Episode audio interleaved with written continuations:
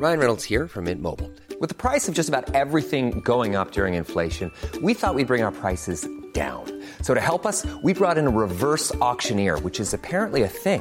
Mint Mobile unlimited premium wireless. Ready to get 30, 30, bit to get 30, bit to get 20, 20, 20, bit to get 20, 20, bit to get 15, 15, 15, 15 just 15 bucks a month. So, Give it a try at mintmobile.com slash switch. $45 upfront for three months plus taxes and fees. Promo for new customers for limited time. Unlimited more than 40 gigabytes per month. Slows. Full terms at mintmobile.com. Nu kommer attack ifrån Sugarcane Hanover som går mycket, mycket fort tycker jag. Det är så fort så jag tror att Kallit kan få svårighet att svara.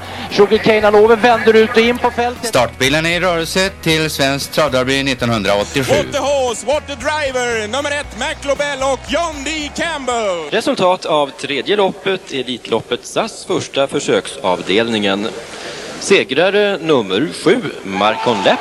Maharaja, la Suède Maharaja s'est retrouvé Le retour, le comeback de Maharaja le 17 vid några tillfällen. Jag trodde att det var en av de bästa hästar jag hade tränat för. Jag tolkades på olika vis. Du behöver inte misstolka det längre, för det här är den bästa häst jag har kört och tränat någon gång. Barenne, me gusta, me gusta, me gusta! Un classico, no problem! Barenne, facile, alla me! Då säger vi återigen välkomna till Trottosports podcast. Sommartid i almanackan numera och eh, på Och något svinkallt ute. Ja, just det. Direkt kom den, eh, kall, kallluften, när, när vi Ja. vred om klockan. Och på något sätt byttes det till eh, sommartid på Solvalla i lördags också. Att vi gick över till sommartid även i travet. Rent bokstavligt. Kan man säga så? Ja, det, på vilket vis? Ja, det var häftiga prestationer och Ja, du menar så. De dundersport. Det var som Bengt Adielsson brukar eh, säga att inför vintern att man eh, tar av sig sportfracken och sätter på sig spelkavajen. och här lite tvärtom.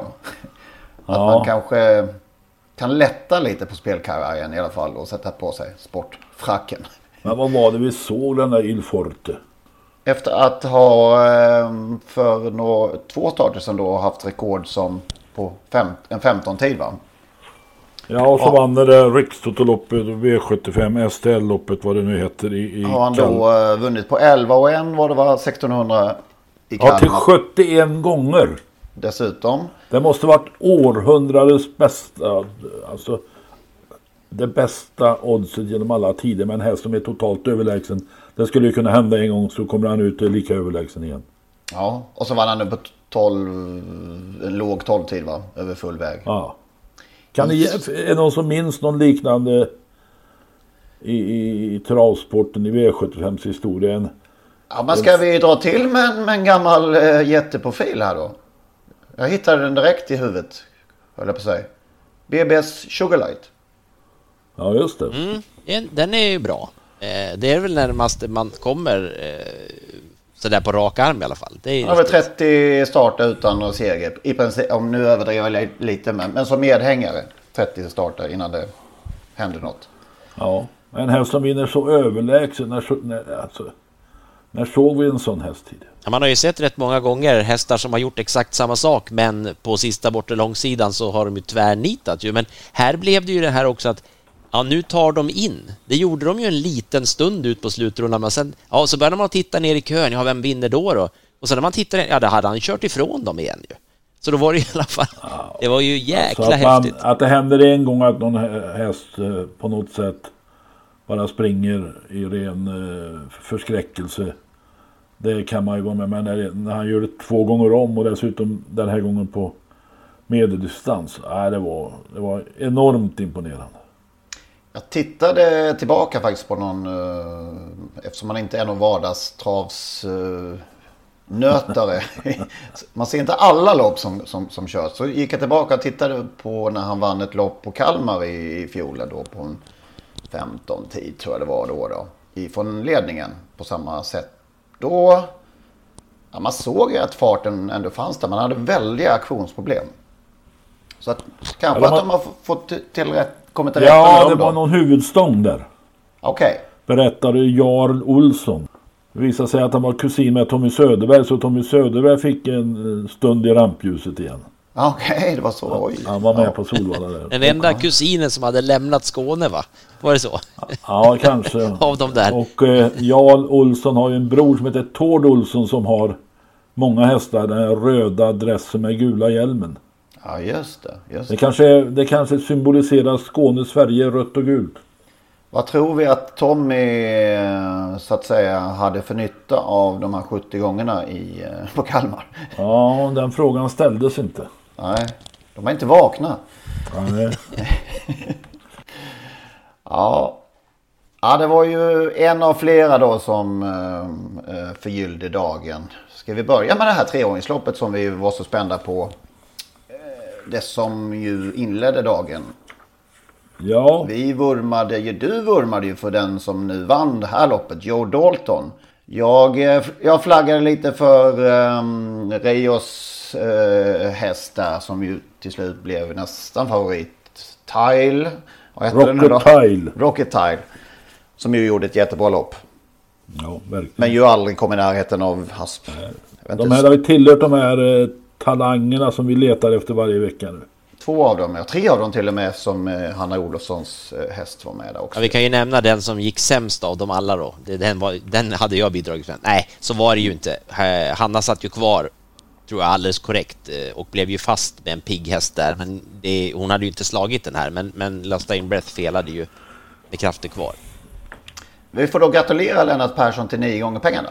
Ja, det- tack ska du ha för det. Jag satt i soffan och såg ett skidlopp och så skulle jag eh, sp- spela Joe Dalton och då hade starten just gått.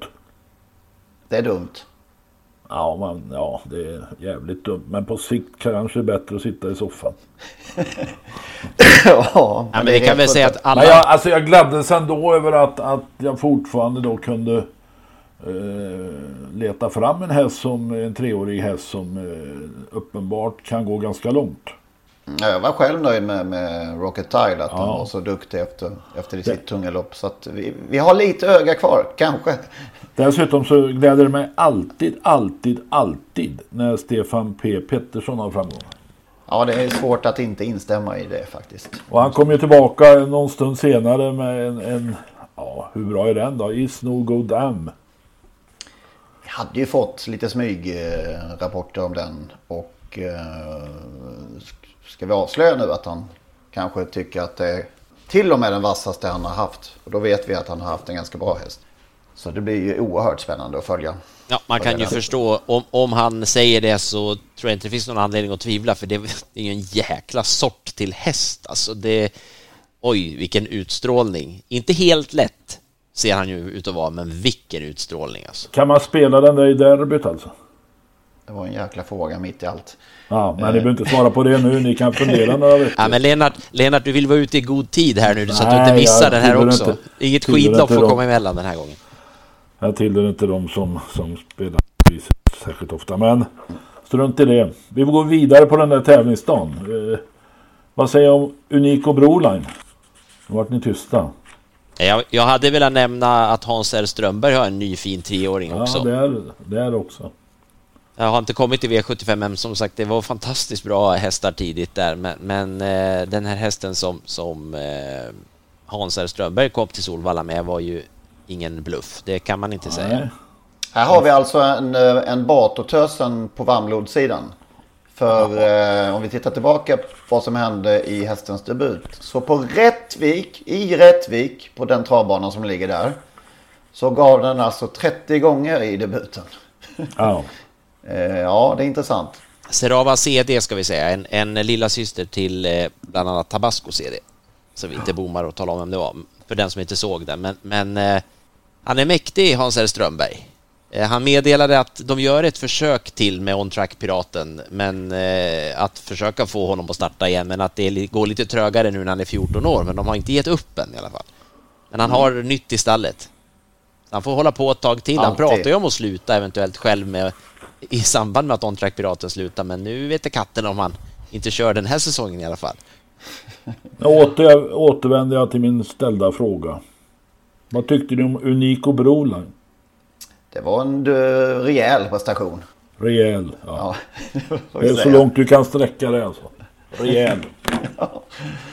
Han var ju alldeles makalös faktiskt. Ja, och det var ju även vinnaren. Eh, Ja, det var såklart. förvisso. Ja, det var ett häft, två häftiga hästar. Ja, det varit häftigt att se. Vad säger vi då om gulddivisionen? Där... Eh, Icke helt oväntat att Stolver Show inte skulle förlora om man kom åt ledningen. Det var väl någonting åt det hållet du sa va? Ja. Och alltså han var favorit veckan innan, eller starten innan. Då blev han fyra ut i spåren. Och nu var han väl sträckad på under 10 procent. Eh, Mot en Hos Hos som hade gjort årsdebut. Det kanske inte var jätteangeläget det här loppet. Eh, Det där gav förmodligen Stol the Show en plats i Elitloppet. Är det nästan? Fyran? Fyran in? Men det var en annan först där ja, just det precis. Vi har ju, det, ska vi nämna den kioskvältaren då? Ja, nu börjar det bli lite mer spännande för de här tre har ju varit eh, utan inbördes ordning eh, givna då. Va? Vem, blir den fjärde? Eh, Och det kan ju bli den här Stolvers Det kan ju bli Who's Who också. Men det kan ju bli någon annan. Någon tredje menar. Nej men Stolet Show är nog, är nog otrolig. Vi, vi, vi, fort, vi fortsätter och eh, peka ut dem i, lite i förväg. jag, jag tror också på den. Ja, det är, i alla fall, det är i alla fall en som man kan vara säker på att tacka ja Frode Hamre den svenske ägaren som hör hemma i Skövde. Även om man inte blir inbjuden som fyra eh, så kommer han ju finnas med i startfältet. Det är ju helt hundra. Ja. Så är det. Ska vi lämna alla eller är det något ytterligare? Nej. Ja, jag tycker vi kan ändå säga Carly Smart. Något ord om Carly Ja. Smart också som visade igen nu efter att kanske fjolåret slutade lite tråkigare eh, än det började för henne. Men, men nu fick vi ju se vad det handlar om. Läcker. Jag noterade att Collini hade köpt den här i början på året. Från Ecury Smart. Nu stod det ägare, nu är det ägare Lutfi Colgjini. Det är ju bra för Ludde. Ja, det beror ju på vad han har betalat. Ja, det är det jag tänkte säga det. Jag tänkte först säga så det, då har han gjort en bra affär, men det vet man ju som sagt inte. Men, men hästmässigt så har han ju i alla fall gjort en bra affär, för den här är ju... Oj, vad det häftig var hon någon som nämnde Elitloppet även på henne. Ja, det var väl de själva, va? Ja, lite grann an, an- antydde någonting där. Eh, Men eh, ja, kanske just bara för att få säga det även om, om henne då. Men det kan man väl göra.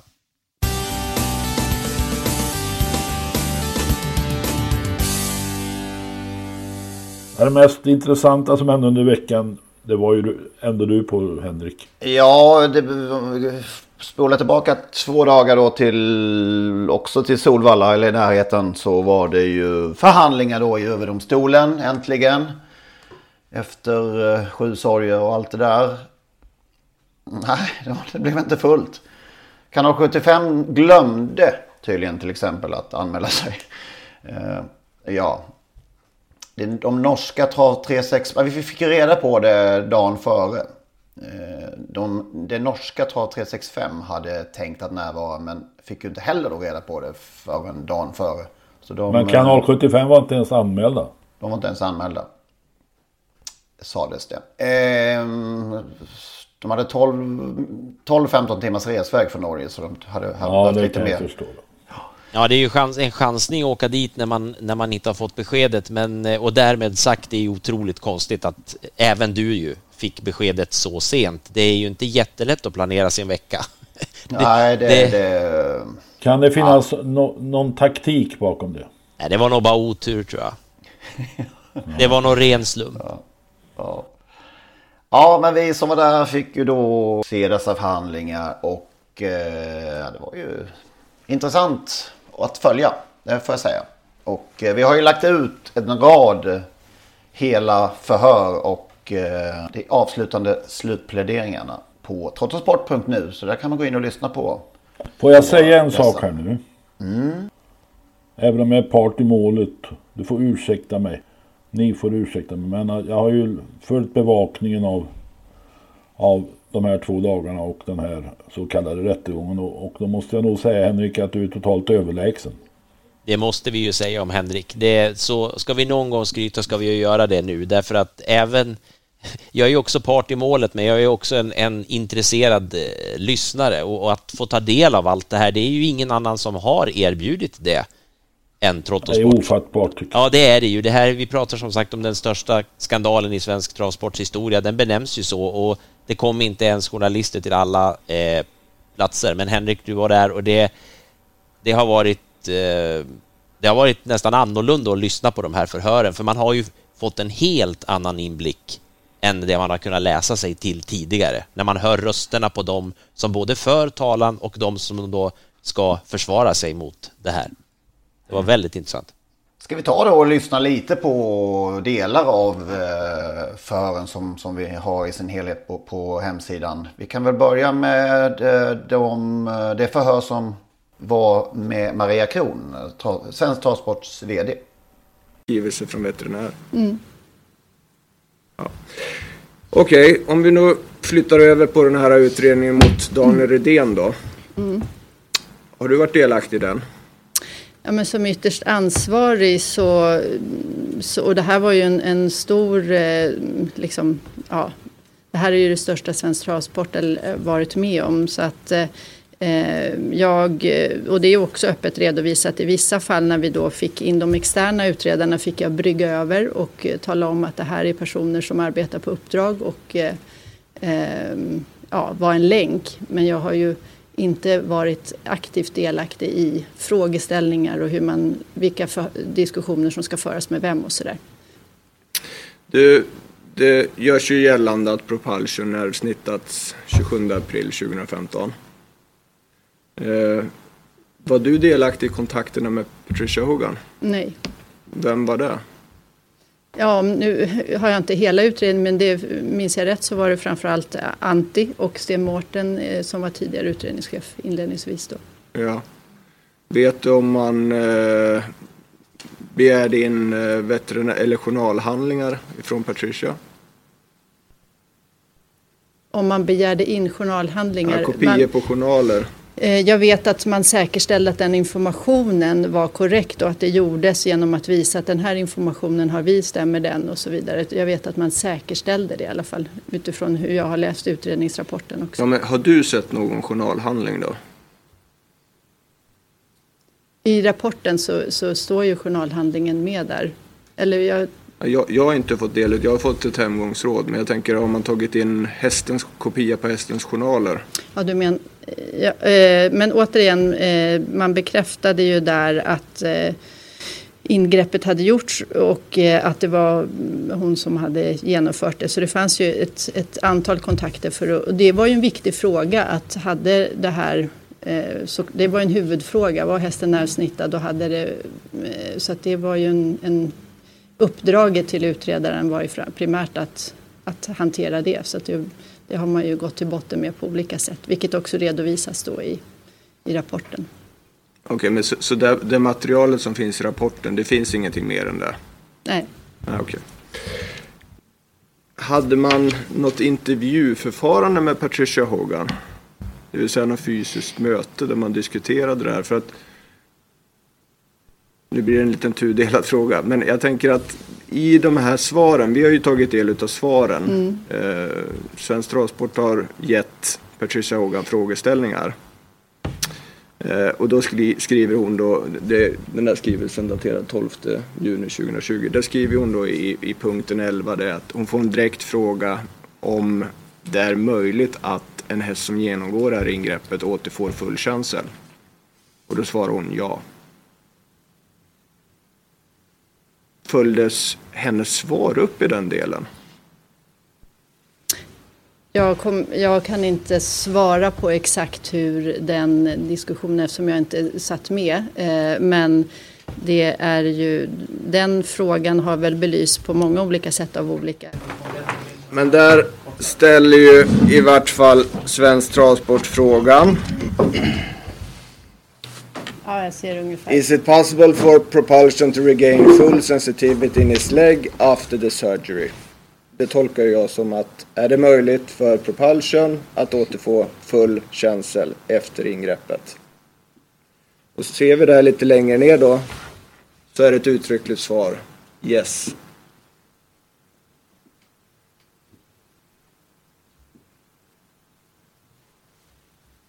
Men ska jag uppfatta det så att det här svaret följde aldrig Svensk Travsport upp då?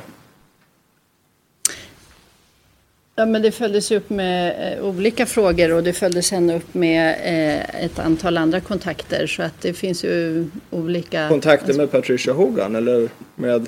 Ja, och, och man bekräftade att eh, operationen hade gjorts på det sättet och så vidare. Så att, eh, Ja, ja, men det har inte med om operationerna genomförts eller inte utan frågeställningen i punkten 11 är ju A. Och sen är det Ingreppet också- har genomförts. Är det möjligt att han kan få tillbaka full känsel? Och då svarar hon ja. Mm. Ja, ja, vad ni som då hörde det i efterhand, vad vad var era spontana känslor när ni lyssnade på det? Ja, jag kan väl säga att hon inte är särskilt övertygande i sina svar. Hon vacklar. Hon vet inte riktigt vad hon ska svara, men hon, hon är rädd här alltså för att bli helt bortgjord. Det blev hon väl bara delvis bortgjord. Eh, dessutom har jag förstått av dig att, att i någon viss del av förhöret så, så använde hon eh, metoden lögn. Ja, det är ju faktiskt eh, rätt tydligt. det, det finns ju svart på vitt så att säga. Det är ju tidningen Sulkesport som i tidigare tillfällen har ju publicerat ett eh, förhör som hon har gjort med Propulsions tidigare tränare Tony Elanga.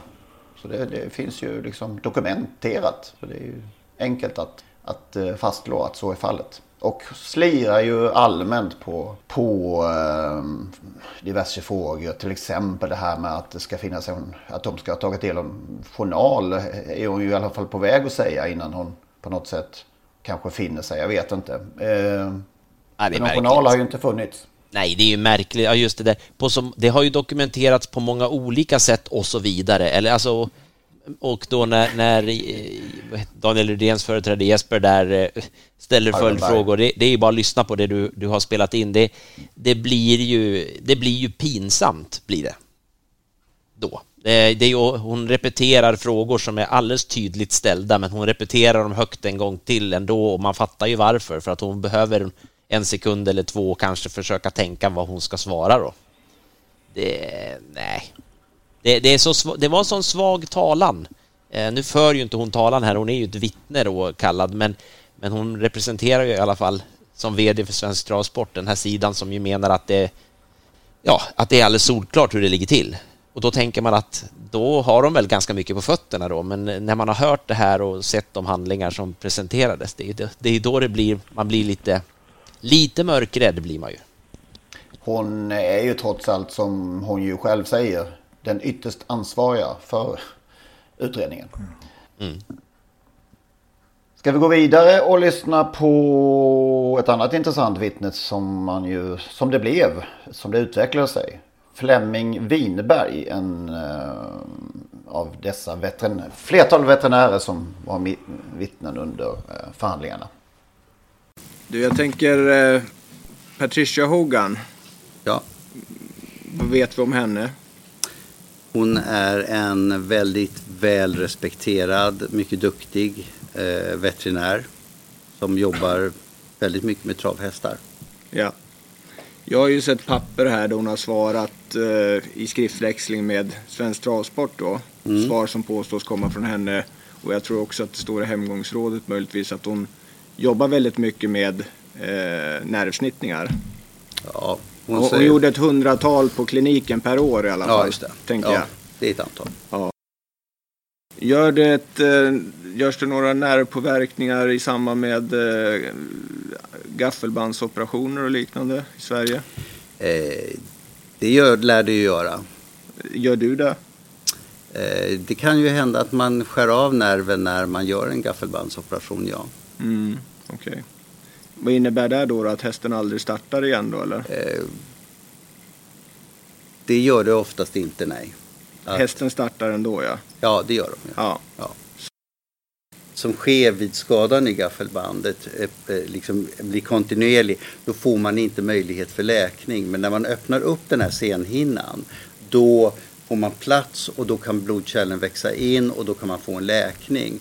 Och i samband med att man går in där så, så finns det en stor risk att man skär av eh, nerven. Men det är veterinärmedicinskt motiverat det ingreppet då? då? Ja, det är det. Antar jag, det är därför ja, det görs? Det är därför man gör det. Ja. Därför det, det visar sig att eh, det är eh, det, det, är en procedur som fungerar. Sen, sen finns det, och, och, det ska man vara helt ärlig med, att det finns studier som visar på att det som egentligen, eller där man hävdar att det som egentligen händer, det är att man skär av nerverna mm. och att det är därför man får det positiva resultatet. Ja, okej. Okay. På samma sätt som att du inte gör de här operationerna för att avlasta den, den typen av närsnittning som du beskrev där som hade genomförts i Sverige. Ja. Är det någon skillnad då eller? Det är det väl i, i så mått att ja, därför att eh, om man hittar en fraktur ja. och gör ett nervsnitt så, så, så betraktas det som Ja, det förstår fel. jag. Det, det, det, förstår jag. Men ja. jag tänker i den här situationen skriver ju att hon inte har hittat någonting ju. Ja. Hon har inte hittat någonting utan hon gör det för att det finns en beskrivning om att det finns någon generell smärtpåverkan i hoven va? Ja. Ja. Ja, men... Och, och då tänker jag att då är det, och det är väl ungefär samma sak på den typ av nervsnittningar som ni genomför. Vad är skillnaden ja, där? Vi, vi gör det inte med syftet att göra nervsnittning utan nervsnittningen blir en konsekvens av att man utför ingreppet i en del av fallen. Fast du sa ju så här att om man ska vara ärlig sa du så att det är ju nervsnittningen som leder till den positiva reaktionen ifrån ingreppet. Det finns, det finns studier som säger det, ja. Ja, så att vi har en typ av nervsnittning som genomförs i USA och en typ av nervsnittning som genomförs i Sverige. Ja, det kan man ju säga om man vill, vill säga, men det, är inte, det primära syftet är inte nervsnittningen. Här kommer ju uppgifter fram som eh, man måste ändå säga är anmärkningsvärda. Och eh, ännu mer anmärkningsvärt är det kanske att inga andra har tyckt att, att, att det var anmärkningsvärt. här framkommer det ju då att eh, i, ja, vid andra typer av ingrepp så förekommer också nervsnittning. Till exempel då som Winberg här eh, glider in på till slut med hjälp av Jesper Alvenberg. Att det eh, förekommer i gaffelbandsoperationer. Så det är ju frågan, eh, vad, är det skillnad på nerver och, och nerver? Ja, det var ju en, eh, jag blev överraskad och höjde på ögonbrynen att är det så att man nervsnittar hästar ganska ofta i olika operationssammanhang. Och då är mm. frågan, mm. är det skillnad som du själv säger nu Är det skillnad på nerver till hoven eller, och nerver till andra nerver så att säga? Ja, och när han, när han ju också så tydligt själv säger att det finns studier som visar att det är själva nervsnittningen som är som skapar det positiva resultatet. Det är mm. alltså att genom att kapa nerver så når man effekt. Då, och sen då prata om att fast syftet är ett annat. Det blir ju en otroligt märklig... Det blir väldigt svårt att förstå. Man får kapa nerver om syftet egentligen var att läka en annan skada. Men det är ändå själva nervsnittningen som gör att, att man får ett resultat. Det, den är svår. Det är en expert på neurokemi heter det va? Som ju säger detta då. Så att det är inte, vem som, inte vilket som helst. Eh, intressant. Nej, det var chockartat skulle jag säga. Ja, det skulle ja. jag säga. Det är ju som sagt, det är ju ett skop. Ytterst förvånande i alla fall. Ja, det är ett skop som, som ingen har nappat på. Eh, det, det, går inte att se det som något annat. Jag, jag, jag förstår. Jag, jag har ju, eh, man är ju lekman. Jag har ju inte varit i närheten av och, och gjort något sånt här. Och jag, men när jag hör det här så tycker jag det är märkligt. Har du aldrig, har du verkligen aldrig nervsnittat någon? nej, jag är, är genomsnittlig som människa tror jag. Men, nej, men det är ju, återigen, Henrik, det är ju tack vare dig då, om vi ska skryta lite med, men det, det här är ju märkligt. Och vad blir resultatet av det här undrar man ju ändå. Vi, vi, nu måste väl ST skriva om någonting, tänker man. Springer att... om, omkring hundratals hästar eller har sprungit omkring som på något sätt är nervsnittade. Ja, det, var, ja, ja det, det går inte att utesluta. Nej, men alltså, jag vet inte, jag vet, kan inte hur det här fungerar heller, men om, om man nu måste man bevisa att en häst eh, är gaffelbandsskadad för att utföra en sån operation? Alltså rent, eller hur skulle man kunna föra en sån journal? Kan man gå in och säga att han är gaffelbandsskadad så vi går in och gör en litet ingrepp här, men hela vad man vill göra det är att få kapa de där nerverna.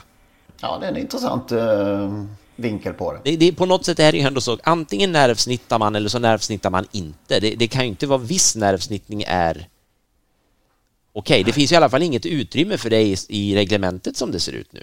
Inte vad jag har sett i alla fall. Jag har försökt att läsa allt som står om det här och jag hittar inget sånt. Att man kan säga att om syftet är ett annat får man kapa nerver.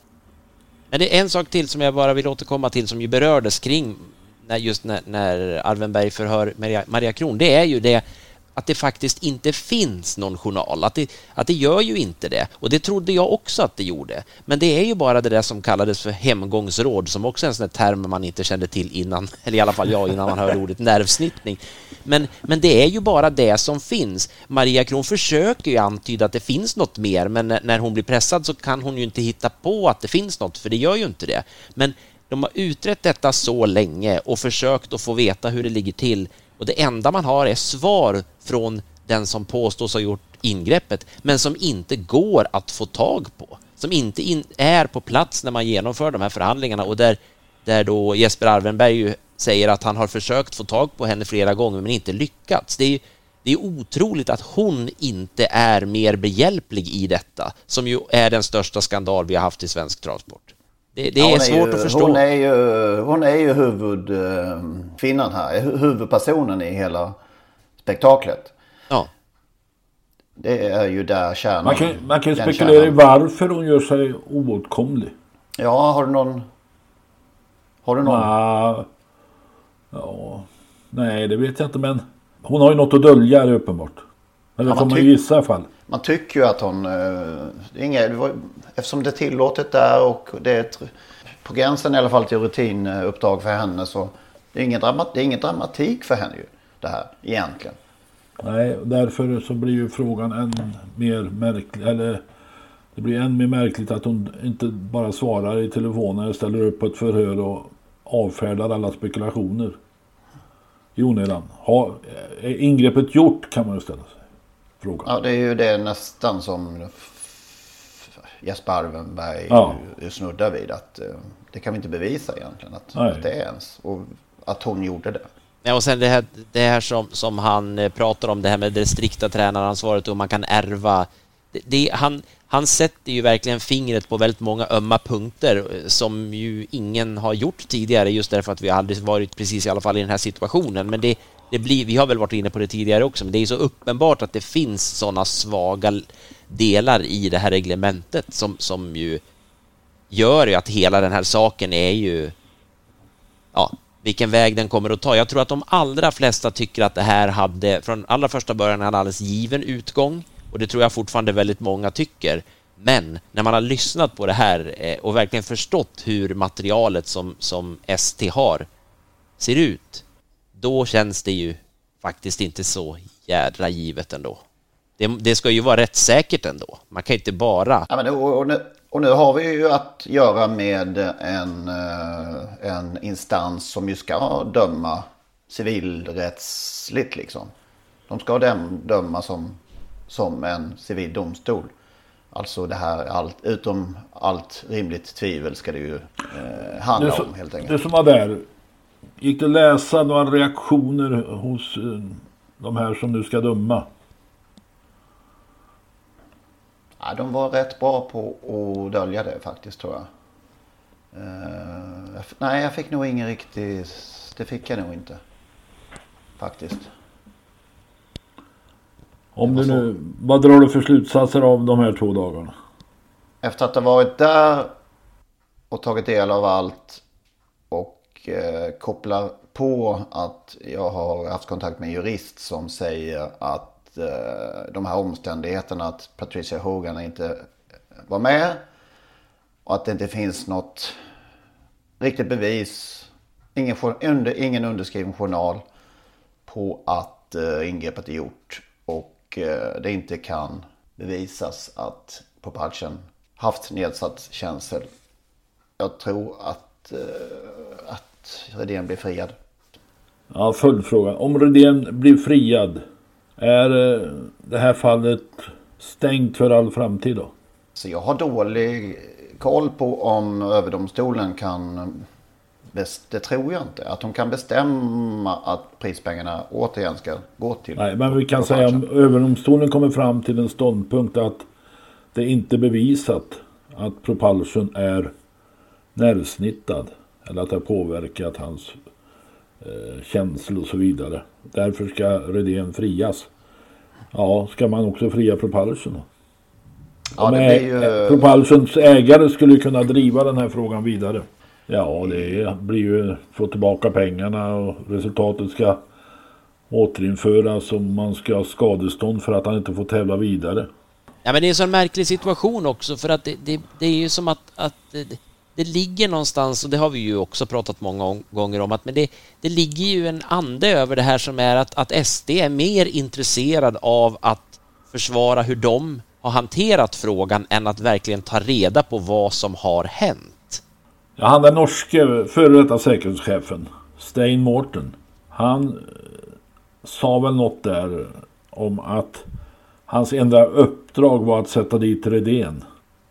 Ungefär så. Ja men så har ju, det har ju gett starka källor på att det så har ju sagts. Och då blir man ju än mer brydd. Vad är det de har pysslat med de här cheferna på SD och SD-styrelsen? Ja, ja. Sen, jag tänker på Maria Kron, det här hon pratar om att hon då var den här länken i den externa utredningen också. Det, det blir ju så att, att ja, då... Och huruvida då hon har tagit del av material. Ja, visst material erkänner hon ju till slut att hon har gjort, men det var hon ju då tvungen att ta del av för att hon skulle kunna vara den här länken och att det blir... Nej, det är så mycket som är så... Som är... Ja, det smakar ju inte speciellt gott. Vi har inte publicerat någonting ännu på Totosport eh, från Daniel Redéns förhör. Lite sämre ljudupptagning där. Men vi tänkte, jag har klippt ihop lite av de mest intressanta bitarna från det förhöret. Så det kommer här. Propulsion, eh, första gången jag såg honom eh, var på en auktion i Lexington när han var ett år, då han skulle säljas. Han var inte två år, men han var ett. Eh, han hette Dayroll på den auktionen och jag hade otroligt höga siffror. Man jag har ett betygssystem som jag betygsätter alla ettåringar på en auktion för att veta vilka jag ska ha. Mm, men det fanns en häst som jag hade lite högre poäng på och han gick efter och då måste man ju på en auktion måste man ju liksom Vem ska man gå på? Det är ju det är ett spel. Så jag valde att köpa den hästen, den andra som gick senare. Men alla de här hästarna jag bokför som jag har bra poäng på följer jag ju upp sen i livet. Liksom. För det är dels för att lära mig själv, utvecklas som tränare, att vad har jag gjort för fel, vad har jag missat eller varför blev inte den här bra och så vidare och så vidare. Och Propulsion är ju en av de hästarna som låg högt på listan det året som också kommer gå vidare. Att jag kommer att kolla, kolla upp honom och hans varför det inte blev som det blev här. Så jag åkte hem och började gå igenom gamla loppsarkiv och kollade på Youtube och kollade upp mina siffror igen och det såg ut att vara en spännande häst. Han rörde sig som en stor älgkalv och det jag fastnade för då var ju att 2015 på vintern när det var minus 5-6 grader ute på Meadowland så älgade han runt och eh, slog hästar som hade tjänat 7-8 miljoner. Men han hade bara 60-70 tusen dollar på sig själv så förstod jag att det nog väldigt sen utveckling på den här hästen eftersom han började redan bli bättre där och sen blev det bättre och bättre. Sen vann han ju innan aktionen på hög 9-tid tror jag, 9-6 eller någonting. Och sen så, så säger jag, jag tittar på de tidigare prestationerna. Eh, SD säger ju saker anställningsvis om att det sker en markant förbättring utav eh, hästens rörelsemönster efter den 27 april där. Var, var det någonting som du lade märke till? Då, då tror jag inte att man riktigt kollar på så mycket trav. Han gjorde några enorma prestationer under vintern och startade väldigt tätt på vintern. Okay. Och, och sprang 54 tider på Meadowlands i minus, det bara dammade om banan. Så det var ganska kallt också. Jämför det med 9 tid, 11 och 9, det är ungefär, det var inte sämre i varje fall. Och då slog han hästar som var hade betydligt mer pengar än vad han gjorde efter det så kallade ingreppet. Ja. Enligt din uppfattning så, så blev det inte en förbättring efter Ingen, det? ingen alls. Nej, okej. Inte enligt video. Nej. Eftersom jag aldrig har haft eh, reglementet i USA ser helt annorlunda ut än Sverige. Så jag kände att hästen började bli i ordning och då, då valde jag att ringa till Linda Höjer på Svensk Travsport som jobbade som ja, inom hästvälfärd.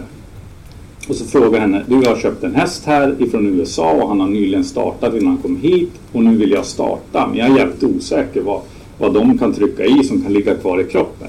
Är det möjligt att vi kan göra en, ett dopingprov på hästen innan så jag verkligen kontrollerar att hästen är eh, ren? Och liksom, det är inget kul för kortison, kan ligga, det finns så mycket olika sorter som kan ligga kvar i kroppar och det och reglementen är olika. Och då sa hon, ja, nej men visst, det, det gör vi för det här är ett undantag eftersom man kommer mitt i en tävlingssäsong. Och då tog vi det där provet och sen anmälde jag till lopp efter en stund och han gick ut och då bytte vi till de där päronskorna och han tävlade med päronskor. Och och han vann loppet med mig men det var ju som sagt var fortfarande en älgkalv som var ute och sprang. Men det började rätta till sig. Han hade lagt, oj, han hade lagt på sig väldigt mycket vikt redan och helt, fått en helt annan muskelgrupp.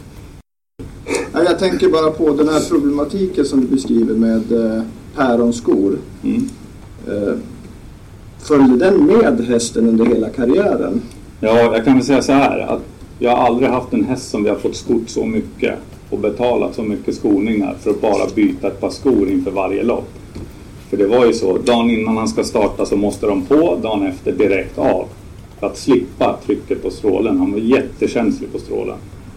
Så att, att någon skulle sabotera. Så att rykten alltid florera. Men genom den perioden så lärde jag mig att lägga rykten att Daniel, du måste vara människa, ta inte så hårt på det. Det är klart att det spekuleras i, alla hus. Så är det, när det går bra. Men du lever med de här ryktena som florerar hela tiden? Hela tiden. Ja. Ja. Okej.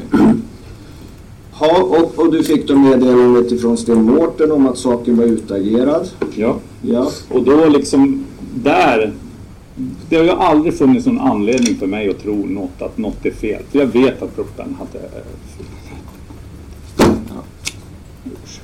Nej, men det är ingen fara.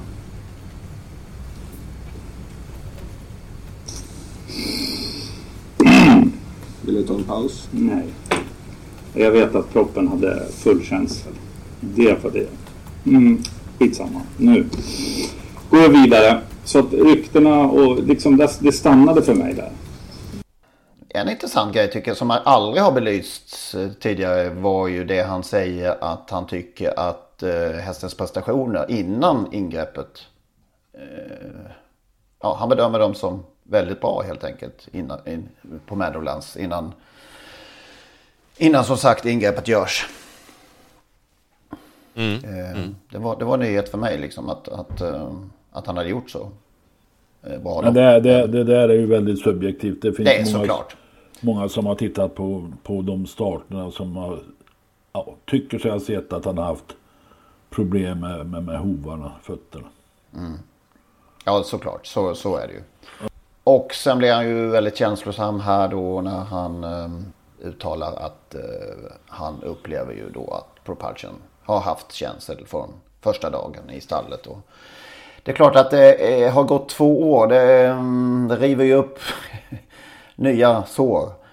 När han hela tiden måste eh, påminnas och eh, dra upp saker ännu en gång. Så att eh, man förstår att det blir känslosamt. Ja, jag tyckte det var intressant det han säger också, den här kontakten han tog med eh, Linda Höjer som väl var på ST om jag förstod det rätt va? Alltså Hon var just det- ju chef för avdelningen hästvälfärd. Ja, välfärd, precis, hästvälfärd. Och där, just det här med att ta den kontakten och, och be om att få göra ett dopingprov. Jag vet inte hur, hur vanligt det är att tränare, alltså hur rutinen är där då, om man, om man går via, via ST för att göra en sån sak eller, eller inte. Men om vi bara lyssnar på det han säger så är ju det, tycker jag, ändå att eh, att visa en ganska stor vilja att vara säker på att hästen är okej. Eh, utifrån det man har pratat om, allt det han borde ha kollat upp, det här med nervsnittning och allting. Det, man kan ju liksom känna det verkar konstigt att han skulle vilja göra dopingprov och så där. Samtidigt så skulle han då mörka den andra delen. Det tycker jag blir i... Att driva det som en tes blir ju lite svårt. Då får vi se helt enkelt hur eh, den här överdomstolen med Olle Solberg som ordförande i spetsen dömer. 19 april är det tänkt att det ska komma. Ska det behöva ta en månad att bestämma sig? Men ändå snabbt med tanke, med tanke på hur mycket lång tid vi har väntat på alltihopa blev jag överraskad faktiskt att det var så snabbt. De ja. kanske har andra uppdrag de där som sitter i domstolen, överdomstolen. Mm. Kanske ska äh, döma det här Järvsö Techno-ärendet någon gång. ligger, ligger, det, ligger det i överdomstolen? Ja, det vet jag inte. Det kanske inte det är stad först kanske där. Eh, vi ska bara en liten påminnelse här om att Järvsö Techno som blev av med sin fjärde plats i slutet av december 2020. Och eh, där det fanns då eh, både på A-provet och B senare B-provet spår av alldeles för höga eh, halter av DMSO. Den eh, B-provet kom i juli och det har fortfarande inte kommit någon dom. Det är ju inte jättesnabbt det heller. Tycker du inte? Nej. Men som sagt, 19 april får vi hålla oss till tåls till. Vad tror ni då? Ja, jag tror på den 19 april. Ja, men utgång? Ja, det, det där med juridik alltså det... Var det överraskande? Jag var ju det under, under förhandlingarna innan jag höll på att säga förstod bättre. Att han inte, att han tryckte så, att det tryck, de tryckte så mycket på just om man har haft känsel eller inte. Ja, jag vet inte. Det kan ju vara en taktik att eventuellt om, om Rydén blir friad gå ytterligare ett steg. Eh, man blir friad för att det inte är bevisat att han inte hade någon känsel så kan man ju ta det till nästa steg då och stämma ST för att man har stängt av hästen på felaktiga grunder. Eh, det som förvånar mig är ju då det här som vi har pratat om, veterinärintyget inte finns. Och jag har alltså varit med om rättegångar i travsportsammanhang förut där jag har varit ganska bestämd att eh, den skulle gå, skulle gå i en viss riktning men det gick mitt emot. Så att jag, äh, eh, jag passar nog. Magnus, har du någon känsla? Ja, känslan är, är, det måste jag ju säga att jag jag har väldigt svårt att se hur, hur, hur man inte ska kunna fria. Men känslan som uppstår då är ju... Ja, det var ju inget så att man inte... inte. nej. Säg vad du tror istället. Nej, men, nej, men alltså jag... jag, jag... jag har svårt att säga att de inte ska fria. Ja, nej, nej men jag, jag du menar att, att, de... jag har svårt att säga att de... nej, men jag tror att, jag tror att de friar. Jag, jag vet inte hur, det ska, hur ska de kunna göra något annat? Men sen var egentligen vad jag var ute efter det var vad som, vilka konsekvenser det då får och, och vad som händer. Det, då uppstår ju en känsla av att vad, vad väntar oss då? Det, och det har vi nog anledning att återkomma till tror jag. Det är ingen idé att chansa och fundera på det. Eh, ett sista grej bara i, i det här ehm, eh, spektaklet är ju att jag fortfarande är så eh, fascinerad över alla dessa människor som eh, som, som får det att verka som att nervsnittning innan Elitloppet 2020, det, det, ja, som, om vi, som om det var en grej. Som att någon pratade om det någonsin. Det är eh, dessa eh, efterhandskonstruktioner och eh, facit i hand eh, uttalanden. Det, det där lever vi med i travet varje dag ju. Det är ju ja. bara så. Är det inte, eh. har de inte fått in sju rätt så har de åkt ut sju rätt på någon kantboll mm. och sånt där. Ja, ja det, det... Jag var på travronden i 15 års tid. Aldrig under de 15 åren när, ordet nervsnittning. Visste du inget om det alltså under 15 år? Nej. Visste du? Nej.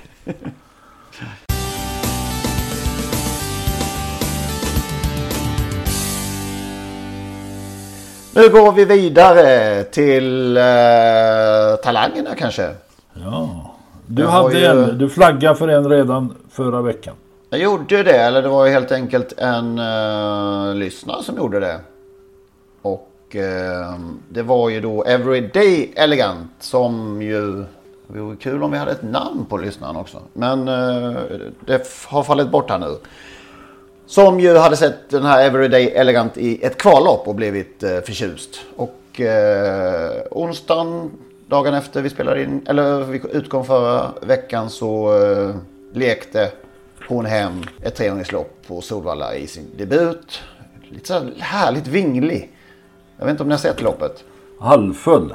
Ja, lite sådär. Han var sådär på väg att springa ut i sista sväng och ja, Alle, läckert så, att se. Det såg läckert ut. Ja, det måste jag säga. Jag, jag tror att uh, vår uh, mejlare har rätt här. Roger Wahlman tränar.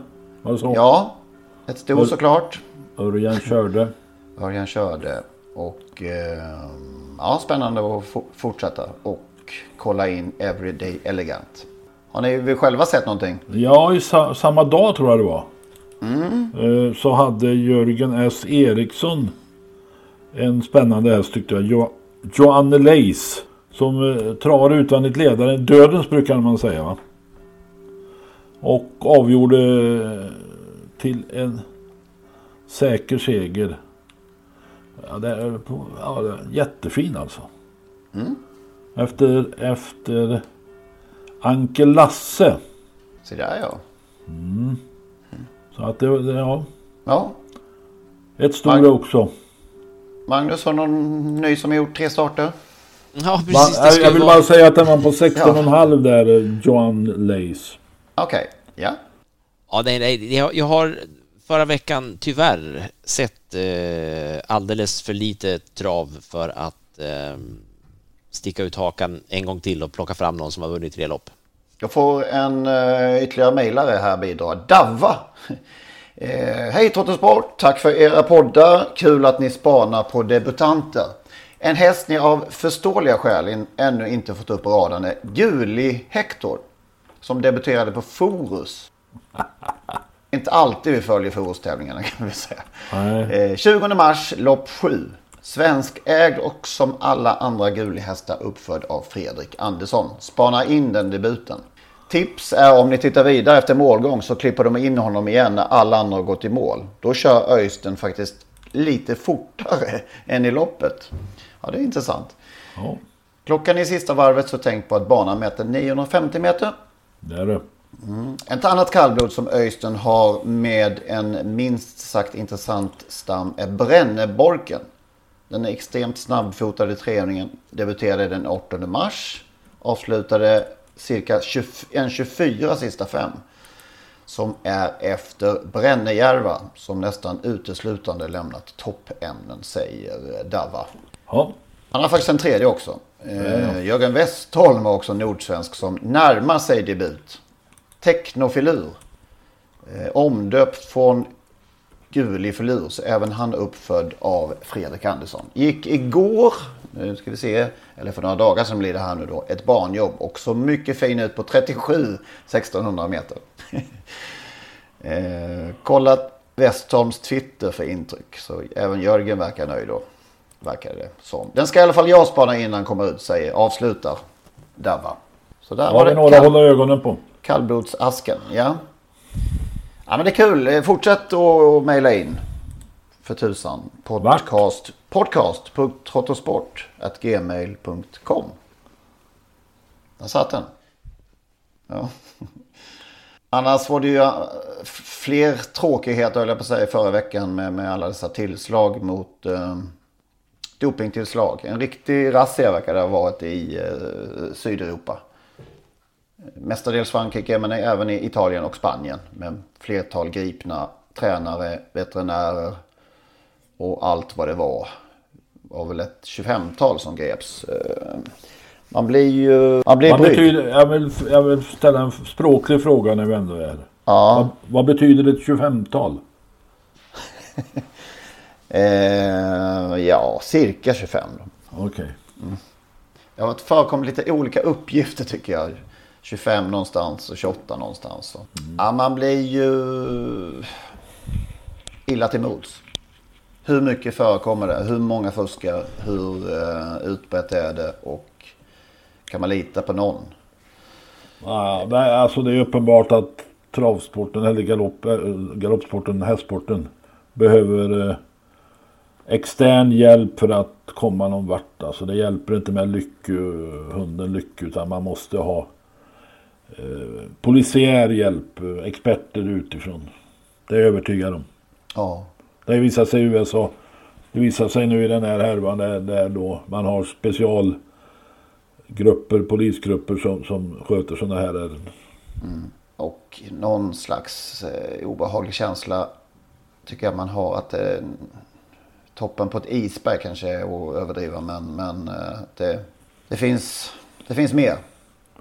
Är tyvärr känslan. Jag läste någon artikel där, där en fransk tränare, stortränare, gick ut och anklagade kollegor, också stortränare, för att fuska. Mm. I Frankrike.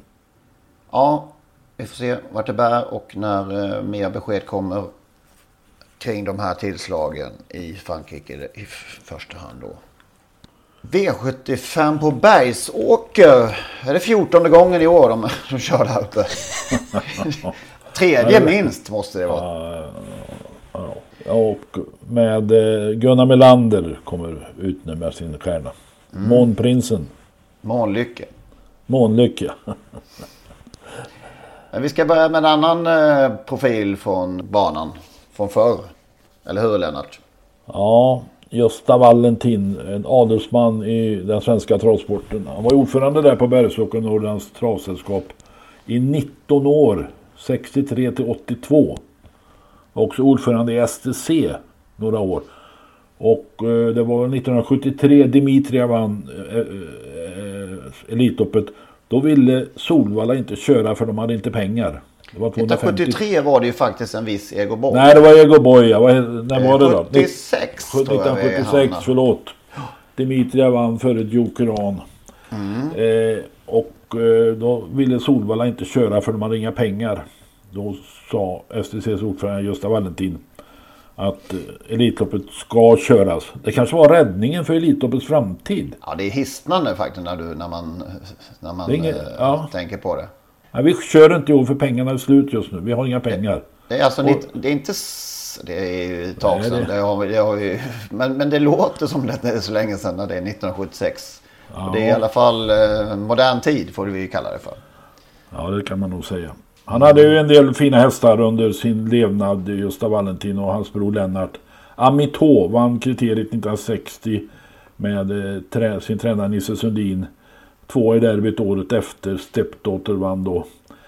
Och så vann han hans häst Opal, deras häst Opal H. Alltså, det jag minns av Stall Härnö hette det det var den här gula, elegant gula dressen med H på ryggen, Stall Härnö. Och jag minns Gunnar Nordin med Opal H där i derbyt 1975. Förmodligen den mest överlägsna derbyvinnare i, i historien. Ultimo H, sprintermästarsegrare 1980 med Stig H.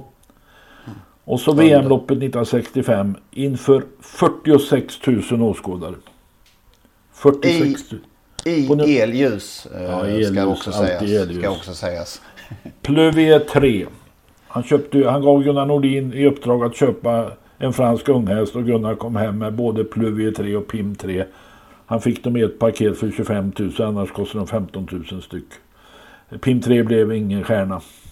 Men Pluvier 3 däremot vann Jobbys stora pris. Det här VM-loppet och flera andra storlopp. Ett intressant lopp på Bergsåker som han låg bakom Gösta Valentin var ett trekejsarslag 1966. Pluvier 3 utmanade då Elitloppsvinnaren Rockopin och den norska stjärnan Merceno.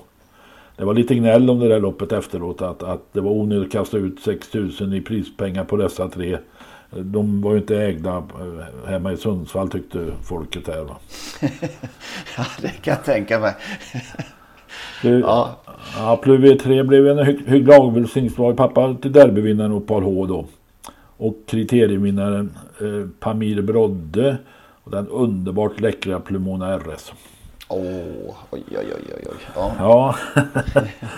Men en, en annan sak, den här Dimitria som han Elitloppet redan har pratat om. Den köpte faktiskt Valentin senare. Som födelsedag.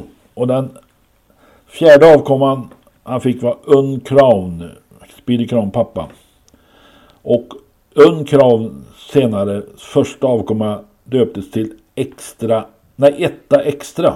Ja, men Etta Extra. Och hon blev mormors mor till ingen mindre än Facetime Bourbon. Ja, ni hör ju själva. Hur är det vi brukar säga? Allting hör ihop. Ja.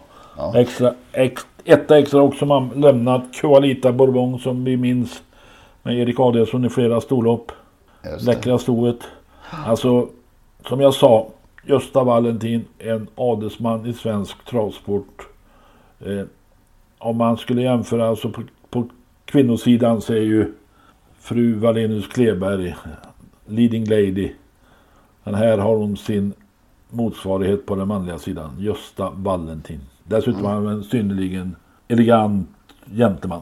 Hade du någon eh, alltså närmare kontakt med, med honom? Nej, gång? inte närmare. Vi träffas ju då och då eh, på stora lopp och lite annat. Eh, Han var en rakryggad ordförande i STC, STC, måste jag säga.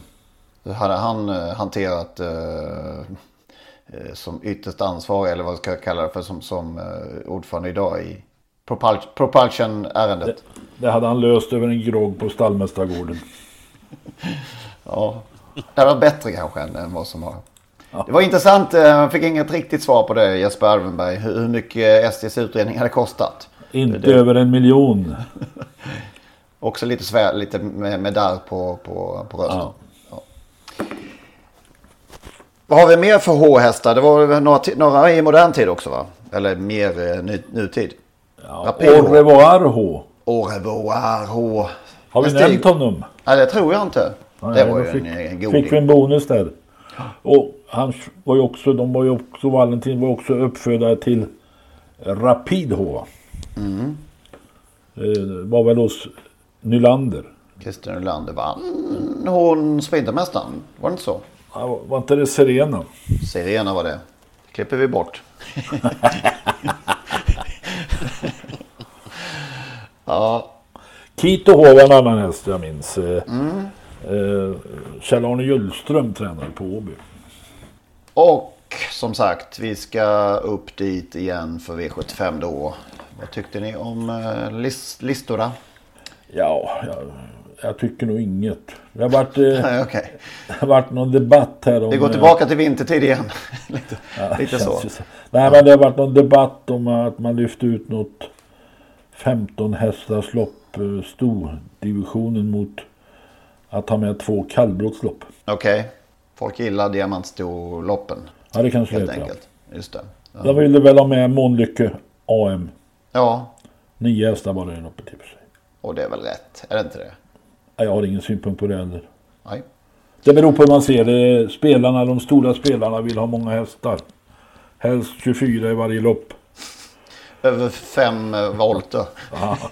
Medan eh, de som kallblodssporten behöver ju också synas kanske. Och en häst vid namn Disco Volante är med på, på lördag här. Han är med varje lördag. Ja, det var dit jag tänkte. Ett par intressanta årsdebuter där i alla fall med Born Unicorn. Och du brukar vurma för eh, Born Unicorn, Magnus. Vad har du för känsla här?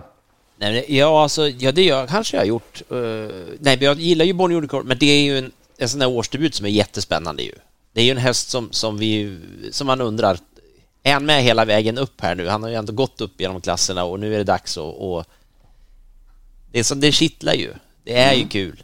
Men det finns en annan häst i det loppet, jag måste säga det, en annan häst i det loppet som, som eh, ja, så inte vet jag, bortglömd, vi behöver inte ens prata om det, men som, det kommer att bli mycket prat om en massa hästar, men jag undrar om inte den här eh, finländska hästen med det lite, lite roliga namnet Super Chisel är kan vara, jag ska inte säga lite av ett fynd, men att det kanske inte, han kanske kommer att gå lite under radarn ändå. Tycker att han gick, eh, gick eh, fullt bra som trea bakom eh, Admiral As och eh, Björn, vem körde han? Diamanten. Ja, precis. Han var Och så- trea där lite bakom. Ah, haha. så att, Fyra för Antonio Trott var trea.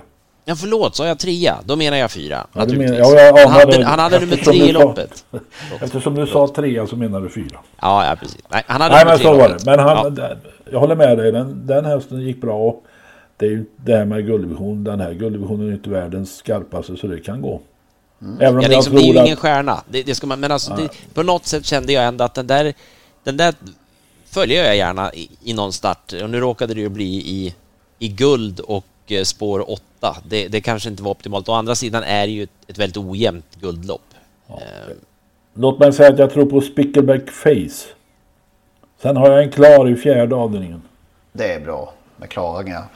L.A. Bocco eller L.A. Bocco vad han nu kan heta. Den där börjar ju hos hos André eh, och eh, André Eklund och vann två raka och de, de eh, förutspådde en, en ljus framtid. Sen tog det emot. när han varit hos Wäjersten ett tag och vunnit två raka och vann senast. Gick från sista häst över långsidan eh, fram eh, utvändigt om ledarpar sista kurvan avgjorde över upploppet. Eh, en tät slutstrid. Ja, det var en fin insats. Fin, fin uppfattning. Ändå Den tror- hårt alltså. eh, Man, man, man inleder med två, två segrar och sen eh, efter fyra start ytterligare så, så blir man av med det. Ja, det så, så är livet. halvhårt. Ja, Kan ju vara så att, att eh, vi vet ju inte. André som en klok man kanske rekommenderar ägaren att prova något annat. så kan det ju vara. Har vi något mer kul i veckan? Jag kan, om jag ska avrunda mitt då, eh, utifall att den här Super Schissel som, som ju hängde med godkänt på Solvalla, det kanske inte är så bra som jag ville lyfta fram. Nej, men då har jag en till som, som jag gillar lite grann och som jag noterade nu kommer ut på V75 och eh, där har Gunnar Bertilsson fått Örjan eh, bakom sin OK Nalan. Det är definitivt ingen speedig sprinter som är aktuell för Elitloppet på något sätt, men, men eh, han är en sån där typisk lunkare som har provat V75 ett par gånger tidigare och en gång satt han fast utan kanske så mycket kvar och en annan så, så hängde han inte riktigt med till slut. Det var Anchorman som vann då, men hade han otur Gunnar och fick spår 7 för Okonalan här, men jag, jag tycker det ska bli kul. Jag, jag inbillar mig att Örjan kan vara lite rolig på en sån här också. Det, så den tänker jag ta med i alla fall. Och Avdelning efter det... sex, om inte Ja, det är avdelning 6. Avdelning 6 nummer 7. Och sen tänkte jag, jag tror att vi kan runda av kanske med, med den förbannelse som verkar vila över ett lopp som jag ju tycker så mycket om här i mina trakter, nämligen Rommerchansen. Kommer du ihåg att det försökte de ju köra en gång i höstas där i, i oktober, men då anmäldes det ju bara fyra hästar. Eh, Men man gjorde ett nytt försök och då kom det fem hästar. Nu provar man att köra det eh, första april istället. Och då kommer det bara fem hästar i alla fall. Så, men, men det är inte vilka fem hästar som helst. Det är Brambling, det är Rome Pace Off, det är San Motör och sen kryddar vi det med Zeolit och Chestnut Hill.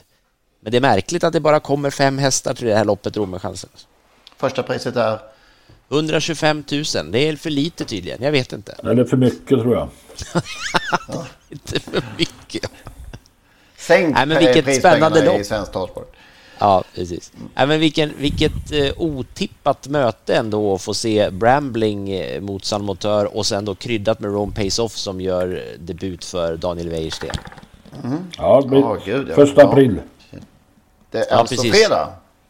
Ja, det är det. fredag kväll. Ja. Ja. Ja, men då så. Hörs vi om en vecka. Ha det gött. Gör vi. Hej, hej, hej.